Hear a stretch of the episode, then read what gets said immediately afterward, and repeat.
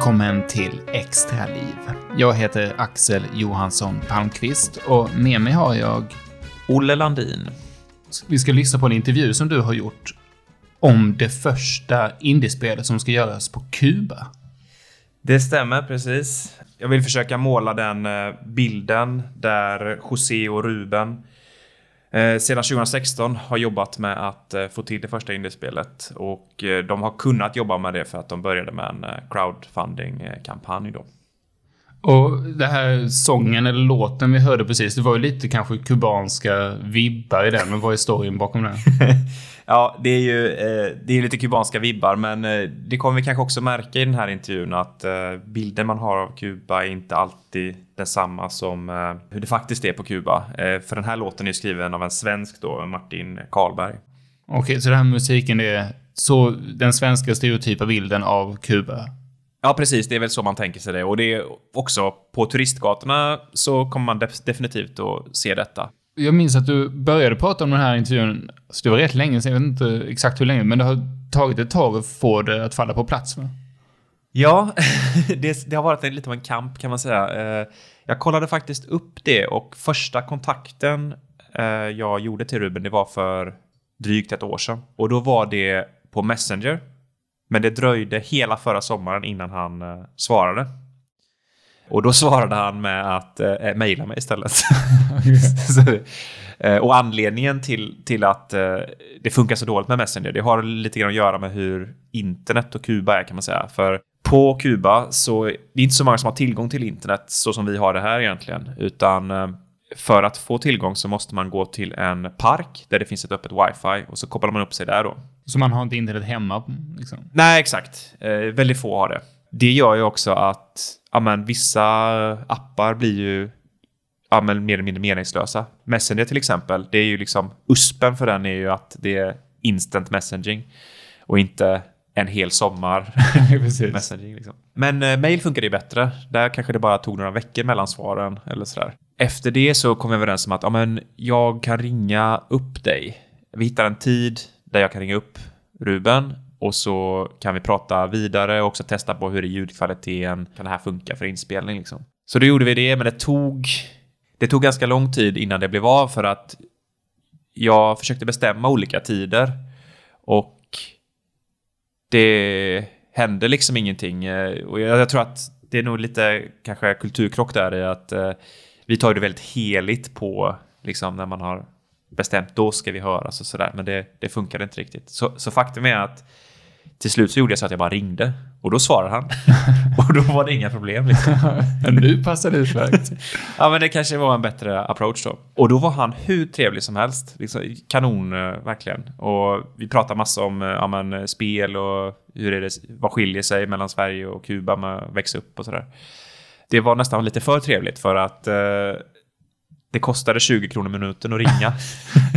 och så jag hade liksom hela tiden sneglade på den här samtalstiden samtidigt som han liksom var helt euforisk och nostalgisk och pratade om gamla NES-spel och så. Ja, oh, gud vad svettigt ja. Ja, så jag kände så här, det här blir nog inte så bra. Det är inget bra upplägg för en intervju att man själv sitter och svettas över kostnaden. Så det är nog bättre att vi hittar ett annat sätt liksom. Nej, precis. Man vill inte att han ska prata så lite som möjligt. nej, nej, exakt. så vi kom överens om det att ja, men det kanske är bättre att eh, jag skickar över frågor på mail, inte Messenger. Eh, och sen så kan eh, Ruben då tillsammans med José, som är den här personen som eh, egentligen ansvarar för det här indiespelet då. Att de kunde sitta tillsammans, läsa de här frågorna som jag har skickat, spela in det med, med datormick eller något och sen så skicka över inspelningen till mig då. Alltså du får bara en ljudfil med deras svar? Precis, ja. precis så skulle vi kunna lägga in prater och så i efterhand då. Det blev liksom, det hände aldrig. Och en förklaring är väl, ja det var till exempel tropiska stormar i Havanna. Det, ja, mm. det, då kanske man inte prioriterar en svensk intervju. Liksom. Nej, nej. Så jag började lite grann ge upp hoppet så här. Jag, ja, jag, jag skickade mejl hela tiden. Ha, har ni spelat in nu? Ska ni ses snart? Men plötsligt en dag då, så ringer Ruben upp mig på Messenger. Hello? Hello? Call. Hi. Hi, how are you? Och han har även med sig José. Hi, I'm Jose. Nice to meet you. Och det visar sig då att plötsligt så har Kuba öppnat upp möjligheten att få internet från alltså vanliga eh, telefonmaster. Så nu har Ruben internet på sin telefon. Hemma också?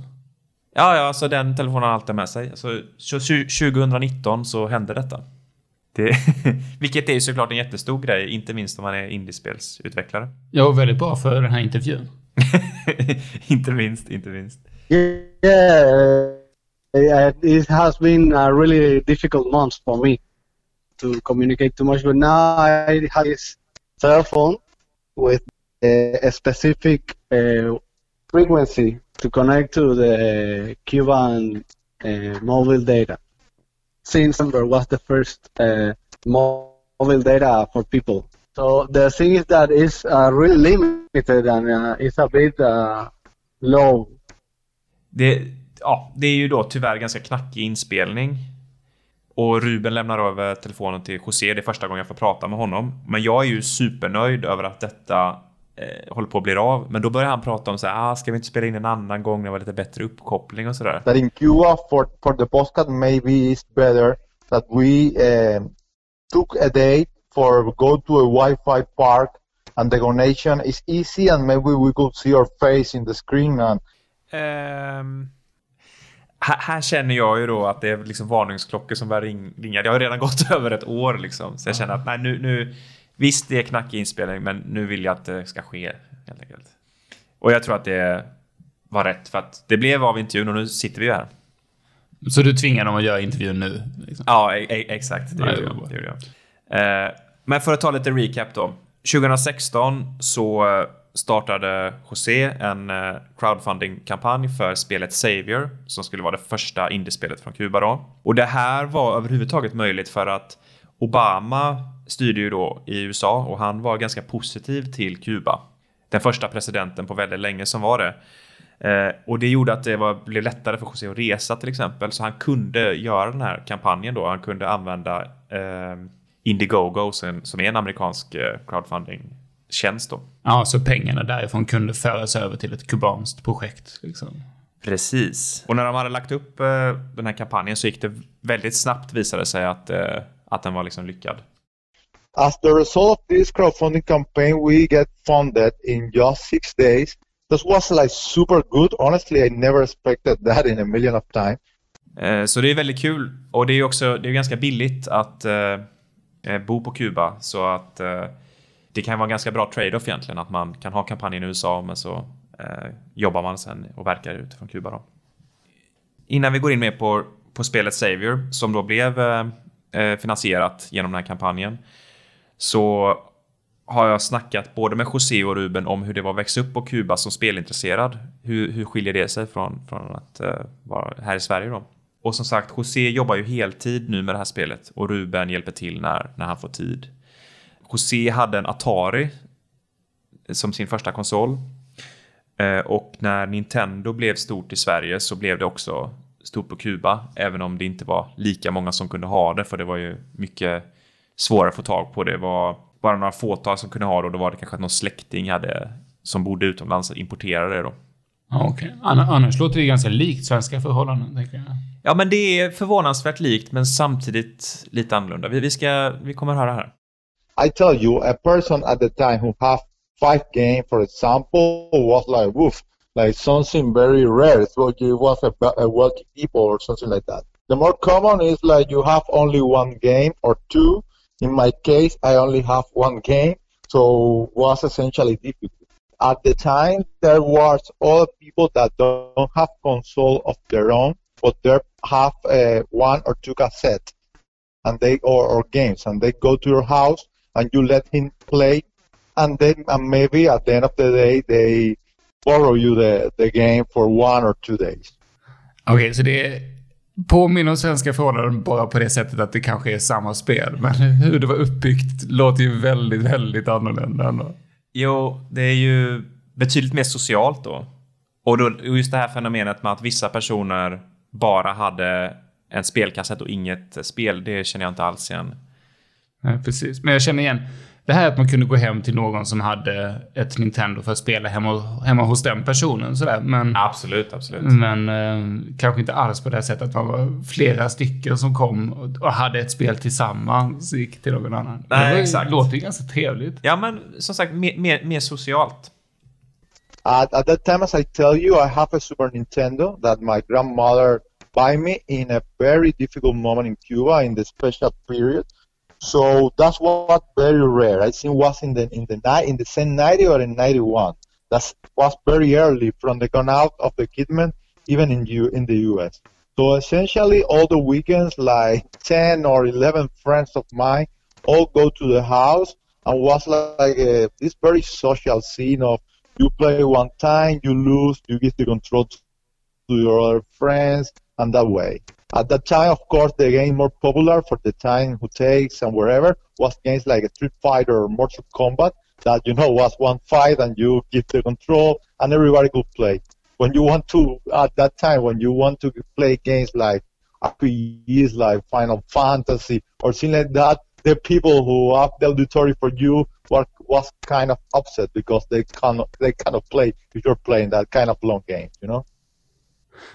Precis i början här så nämnde han någonting om att han hade fått det här av sin farmor eller mormor under, vad var det, the special... Ja, The Special Period. Eh, det är ju eh, eh Periodo Special som är alltså... När Sovjetunionen upplöstes så eh, var det ju så att eh, de, de hade ju kraftiga subventioner som de gav till Kuba. Eh, och då förlorade de ju det. Vilket gjorde att de gick in i en väldigt svår period av mycket svält och så eh, på Kuba. Och då hade man ju den här eufemismen då, eh, special period, som man använde. Eh, vilket verkar vara lite av en klassiker när det kommer till totalitära stater, att man har sådana här eh, eufemismer för att beskriva hemska saker. Alltså folket ska tro att det är... De ska tycka att det låter bättre än vad det är i alla fall. Ja, precis, propaganda. Men ja, här kommer ju det sociala igen då, helt klart. Och man kan verkligen förstå då att vissa typer av spel blir ju, alltså som, som man nämnde Final Fantasy där, det funkar ju inte så bra om man är 12 pers liksom. men eh, vi, vi kom också in på det att eh, det här är ju både NES och SNES, det är ju konsoler, men egentligen har PC varit betydligt mycket vanligare. almost everybody in Cuba today have a computer, maybe not the better one, but a computer, and it's easier and more natural to play games. You know, uh, when you have a console, it's something that you buy specifically for games, and of course, uh, under our condition, it's not too common that many people may made the, this investment in something like that. Och en annan fördel som finns med PC, det blir väldigt tydligt när jag frågar Ruben om eh, hur man får tag på spel. The pirated, of course. This is a third uh, world island in the middle of the Caribbean. Everything comes with pirates. Haven't you seen the movies? Och så, så piratkopiering är ju väldigt stort, men det fungerar. Därför kan man verkligen prata om att det fungerar annorlunda mot hur det gör här. Eftersom att internet har varit så otillgängligt. Så det är bara fysisk piratkopiering. Ja, det, det finns någonting som man kallar för El Paqueta Seminal. Alltså, ja men, veckopaketet typ. Oh, paquete semanal. Paquete semanal is something like weekly package. Och då är det, det är då ett sätt där man kan få tag på nya spel, serier, program, filmer, allt möjligt. Och det är att det kommer hem någon till en med en extern hårddisk. Eh, och då kan man få de senaste nedladdningarna, alltså ve eh, veckans senaste nedladdningar. Man kan säga att det är som ett kombinerat Steam och Netflix på extern hårddisk. Men det känns som ett bra sätt att sprida virus också. Ja, det borde det verkligen kunna vara. Eh, det vet jag tyvärr ing- ingenting om. Men vi ska höra lite mer här. Yeah, so one one cook, one cook these days the money we have in Cuba for one terabyte of information. So it's almost free. Ja, en kup är ungefär 10 kronor. Så det är alltså 10 kronor för 10 terabyte piratkopierat material då. I veckan. I veckan, om man så vill. Man får chansen en gång i veckan att ta emot. Uh, there are people that they call it messengers, and they go to your house and and give you the the information to you. Så det är ju lite, jag tror att det påminner lite om langning faktiskt. Att, att eh, ja, det finns en messenger då som är den budbäraren som kommer med de här paketen då. Det här blir då ett sätt för, för kubaner att följa med i internationell eh, kultur. Men det gäller ju PC då. Och José han föredrar konsol, vilket är väldigt ovanligt. Yeah, because uh, essentially I think that the best games are are exclusive. You know, like like Bloodborne or Dark Souls or Uncharted series, and sometimes some of this game you could not have a version in PC. And I and essentially it's, it's different. You know, the relationship between it, it stays sit in front of a computer that a console that you go light in your bed. Uh, it's something more relaxing to me. So yeah. Och eh, multiplayer-spel är något annat som också blir väldigt eh, annorlunda. Eh, jag, jag, vet att jag ställde flera frågor om typ e-sport. Men då fick jag hela tiden bara tillbaka så här, ja, men det, det är liksom inte relevant eftersom att internet och spel, det är två helt separata saker. Så det hör liksom inte alls ihop enligt José då. No, no. The internet, uh, almost the other day we have internet for real in Cuba, so it's not, it's not, no, it's not related at all with the experience of games, something like that. Ja, men det är inte så att alla spelen han nämnde var ju verkligen single player-spel. Ja. ja, men exakt. Ja. Och äh, även om det kan, det kan liksom gå med LAN då. Mm så är det ändå att, eh, kanske i synnerhet för den här generationen som José tillhör, så, så är det mycket det, det är single som är grejen. Eller typ Street Fighter då, att man spelar multiplayer-spel på en konsol. Liksom. Ja, precis. Mm. Men som sagt, det finns LAN och Ruben berättade lite grann om eh, hur det kan eh, fungera. But well, right now many people have net, uh, local networks. Well, the other day someone told me that the local network is like since Alamar to the other side of Havana. It almost takes all Havana for repeaters and a lot of uh, technology they are using to make all this a big local network. Det finns tydligen något sånt LAN som är, täcker hela Havanna då i princip. Och där kan man dela filer och chatta och ja, men göra allt möjligt. Tidigare har det varit så här att staten har kommit in och gjort räder och stängt ner det här. Men nu verkar det, enligt Ruben då, så är det ganska stabilt då. Jaha, men vad spännande verkligen. Ja, absolut. För annars kan det vara så här till exempel. Jag, ehm, jag, har varit på Kuba eh, och när jag var där så var det så här att jag kom in på en, eh, en restaurang och så hade de öppet wifi. Så tänkte jag, åh gött, för det var ju liksom verkligen en bristvara det här med internet då. Men då var det bara en wifi för att kunna gå in på en hemsida som tillhörde restaurangen. Alltså, som ett mikrointernet får man verkligen säga. Du kan se deras öppettider och så. ja, man kunde se lite bilder från kvällar de har haft där och så. Ja, okej. Okay. Ja. Nej, men det är ändå tänker jag att det måste göra väldigt mycket för någon typ av sammanhållning inom människor emellan. Liksom att man har inte det här stora internet världsomspännande utan vi har ju vårt eget nätverk här ja, i den här lokala, stan. Liksom, ja. I det här kvarteret nästan bara. Med. Ja men verkligen. Och, men sen, jag vet inte hur det är generellt och så, men både José och Ruben, de var inte så, så inne på, på detta. Eh, de var lite skeptiska och pratade också lite grann som att det var för, för yngre, som jag förstod det. Men då kan man ju fråga sig liksom, hur är det med andra multiplayer-spel som typ så här uh, World of Warcraft? Har det, det det tänker man sig att det kan ju inte ha varit en grej. Eh, men det visar sig att det har funnits på vissa sätt. I haven't played. I played once, I think, but there was no server, so I was alone. This was, I think, in a friend of me and Josue's house that he installed it with a fake server, and I was like, like alone. And I said, "My God, this is so lonely." it was really sad. I think my my girlfriend actually played more World of Warcraft than me. She used to play it a lot and alone as well, just for the taste of it. I don't know. She told me these stories and it's like, what the hell are you? Why why did you play that? She's not that much of a player, but she used to play these things. And um, she's like a really Lord of the Ring fan, and it was like, okay, Minecraft is so nice, but why to play it alone? Ja, det måste kännas väldigt ensamt att gå runt och gå till Warcraft. Ja, men det är, något det är en fin bild ändå på något sätt. Jag vet inte.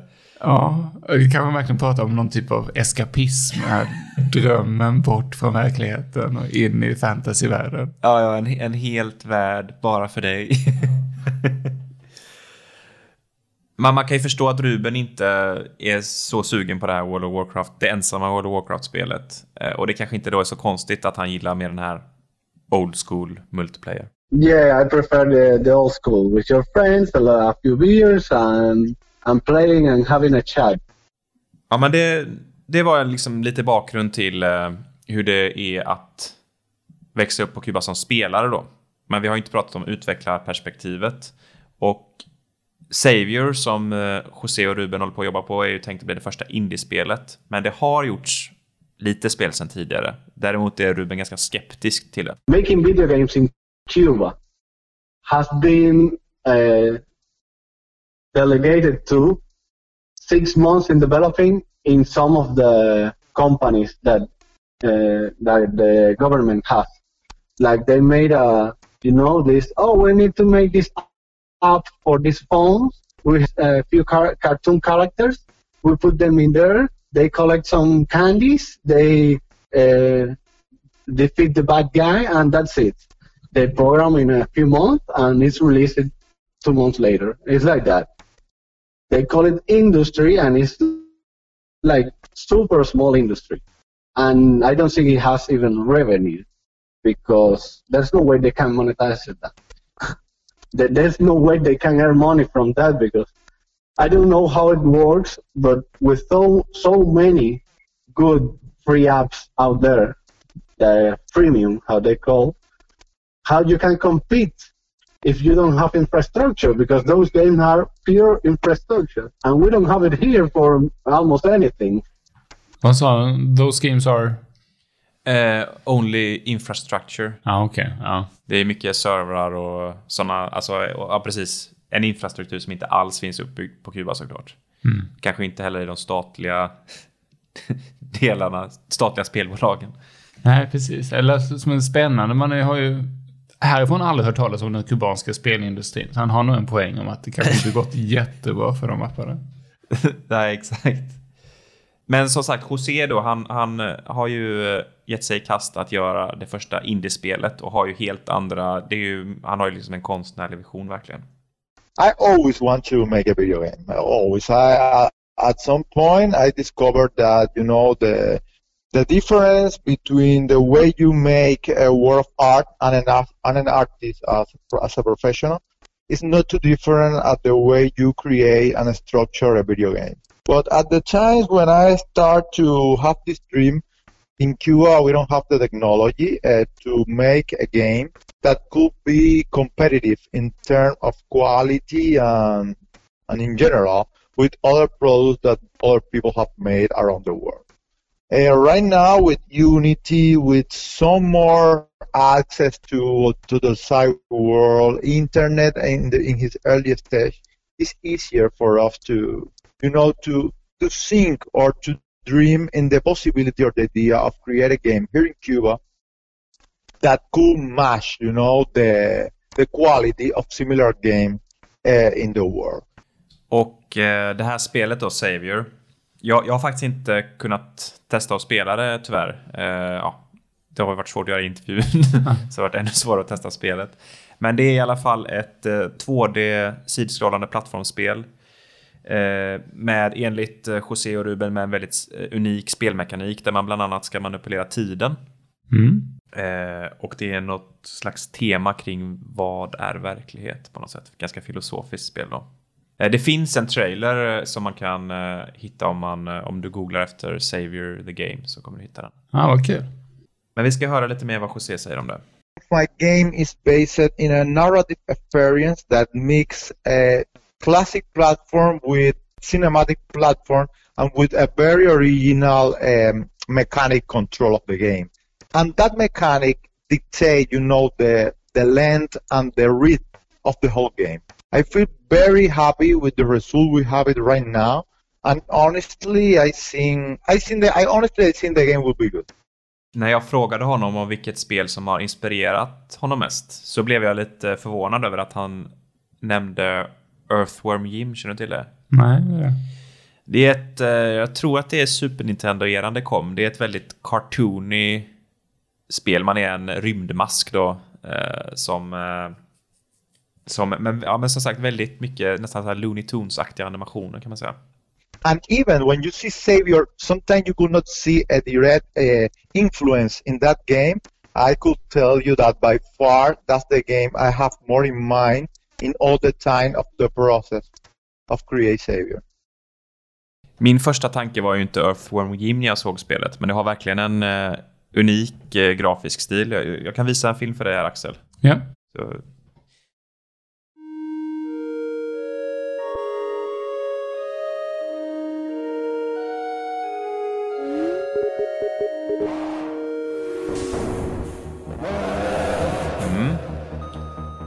Tycker det såg väldigt snyggt ut ju. Lite Child of Light, om du kommer ihåg det till. eh, ja. Väldigt mysigt såg det ut. ja, men verkligen. Det är atmosfäriskt liksom. Mm. Uh, full anim- handmade uh, full animation. That's that that mean 24 frames for for any animation in the game. And imagine that some character some character have like 20 different cycles of animation. I mean like running, jumping, looking, looking up, uh, thing like that. Every every little cycle of that have I don't know 20 drawings, 22 drawings, all handmade, and al- and also the line and the color is handmade. So imagine how much time take to to to do that, and it's also expensive, by the way. Oh, it's not a 3D game, and when you and where you have a model and you animate that model. No, every frame is unique from the other. Så de har ju, det, det är ju alltså mer klassisk, nästan som Disney-animation då som de har gjort. Och utgår också ifrån, eh, som jag förstod det, från skisser mycket. De gör det ju digitalt, färgläggning och sådär, men det är ändå mer klassisk animation liksom. Det är ju, ger ju en helt annan känsla om man jämför med många moderna spel. Nej, men då jag tänker att det är ju också smart av dem att utnyttja en sån styrka. För att eh, både José och Ruben har ju en bakgrund från eh, konst och film och ja, men klassisk animation och är ju jätteduktiga på det liksom. När man ser spelet så, så ja, det, det ger ju den här liksom, särskilda stilen. Så om du är inne på det så är det ju lite intressant att höra då hur de har jobbat rent praktiskt också bara. The, the the process of make a video game is long and it's hard in everywhere in the world, but in Cuba it's like the double of hard because first uh, you don't we don't have the knowledge, and second we don't have another person to ask for advice. It's what like uh, like create a, a game from scratch in terms that we have to deal with all the difficulties possible to learn from that and go and go further. Och de eh, har ju haft en del problem också. No, yes, man. Hon- hon- Sadly, I could say I have all the issues possible you could have. I make a game bigger than the game I could do. I have constantly lack of funds and resource. I have no access to to press, to festivals, to other developers in the world that help that help you to come out in your own game. So yes, essentially, I I have to deal with all the difficulties you you will have to. And right now, with Trump in power, imagine all things are even worse. Uh, before I could go to US re- relatively easy in easy way. Right now, it's like super difficult. Most all them all the major publishers and things like that are based in US. So imagine my, in my position when you have to when you need to have like, like some sort of legal structure to sign with a publisher. I mean, like bank accounts, like a company, and things like that. If if, if right now I'm as as a Cuban, it's something like completely difficult, almost impossible to achieve in the U.S. That's the the problem. For I what I have to start to think that maybe it's better to sign with the European publisher that maybe could make things easier to us to us in terms of release and to have access to the funds of the game. Ja, det är ju verkligen eh, trist med, eh, med Trump ändå, att, att det blir sådana problem. Och jag vet att när jag var på Kuba senast så eh, fick jag höra det att alltså det året som Trump blev president och året innan så har det, det är hälften så många amerikaner som har besökt Kuba. Och det är också så här att alltså från eh, Key West i Florida till Kuba, det är bara 15 mil. Så det är ju verkligen, Mm. Alltså det är ju nästan samma, geografiskt nästan samma land i alla fall. Liksom. Mm. Men, en, men det som också är lite intressant att i, i det här läget de befinner sig i nu så har ju de blivit finansierade av en crowdfunding. Det vill säga, de har ju inte bevisat sig ännu, de har ju bara fått pengar till utvecklingen. I feel maybe that was a mistake at the time that as a Cuban I was obliterated to make a game the double of of best, the double of original that any other game out there because I feel that this is like my only opportunity to get outside with a with a game, you know? Because for all the resource that they make that they, that they make it, all the money you need, etc. But at the same time, when you try to do something that sur- surpass your real possibilities, you're in a trouble because again you don't have the resource and you don't have the time. So it's like a very blurry line between try to do what you want and try to do what you could do. I don't know if you understand. Så det känns som att de, de hamnade lite eh, snett från början eftersom de ville så himla mycket. it's a process in, in, where, in where you have to exclude all the things you don't really need stay with a core that is let's say the like the heart of your game and from that point you start to circle out in a way that your game grow but never go too far from the core of what your game really is. when you say it sounds like something easy to do but it's more easy to get lost in many ideas or in things like that. And, and I tell you that for experience. And constantly, even now that we are, we have almost ready uh, a second demo of the game with all the problems resolved from the past, still you find little mistakes or things that you could improve. Because different to art, in where you could do something, and even if nobody like, you could say like, well, I don't care, I like that way in a video game it's completely different because from the start you have to think in the people who will play the game and not yourself. And that little twist in things it is not little at all. Så det låter ju som att de är på rätt köl nu i alla fall. Och jag hoppas att det blir klart Mm. och att vi får testa det. Och om man är nyfiken då så, så kan man gå in på saverthegame.com. Där finns det mer information och filmer och sådär. Det såg ju verkligen väldigt snyggt ut. Och spännande med den här mekaniken att man kunde styra, ändra tiden för att man eh, tar sig fram. Ja, jag, är väldigt, jag har inte förstått riktigt på vilket sätt. Men eh, jag är väldigt svag för eh, tidsmanipulation i, i breda drag, liksom, även filmer och sånt. Så att, jag tror att det, det kan bli något väldigt intressant. Det låter ju verkligen som ett ganska eget sätt att se på, på spelmekanik. Och det tänker jag att det kan ju också vara en produkt av att de har varit ganska isolerade. Både i sitt, hur de har kommit åt spel, men framförallt då kanske i sin spelutveckling. Och jag tänker på att i ett tidigare program har vi haft en berättelse från Theodor Wern om spelbolaget som flyttade från Göteborg till Zanzibar för att utveckla spel där. Ja, de såg det väl lite mer som en semester i jobbet och sen blev det problem när internetkabeln gick sönder och att ön blev isolerad på det sättet. Men här är det en helt annan, de här kubanerna, de tar ju det till en helt annan nivå.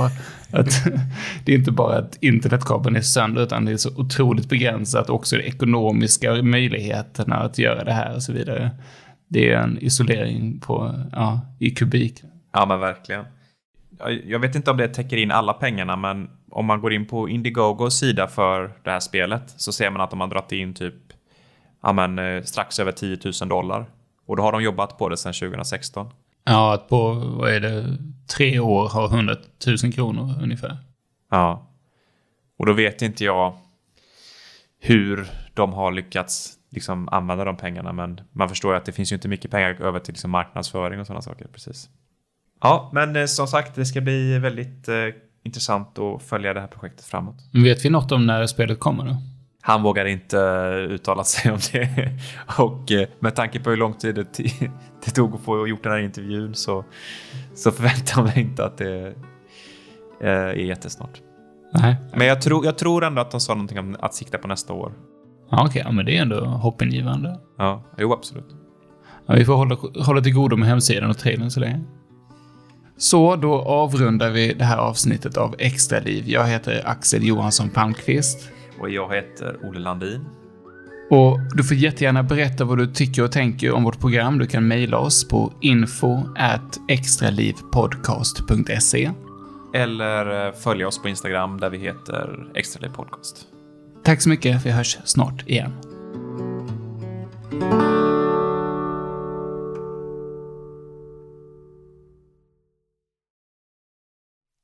From Sweden. She was a reporter that helped me a lot in, in the process uh, in the when the crowdfunding and that. That maybe you you know you know her.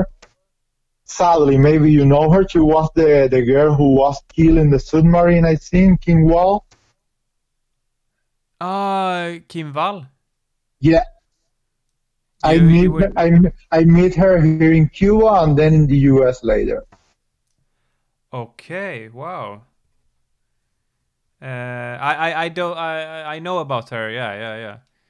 Yeah, it was Uh, super sad, super sad thing to have announced. Okay, okay. So uh, she was helping you out. Yeah, she was a reporter and she helped us. Uh, she made a note for us and or she was making a, a note for us and then we meet her in in US in New York. And yes, yeah, was super super cool with the game and he tried to help us with other publication and things like that. Yes.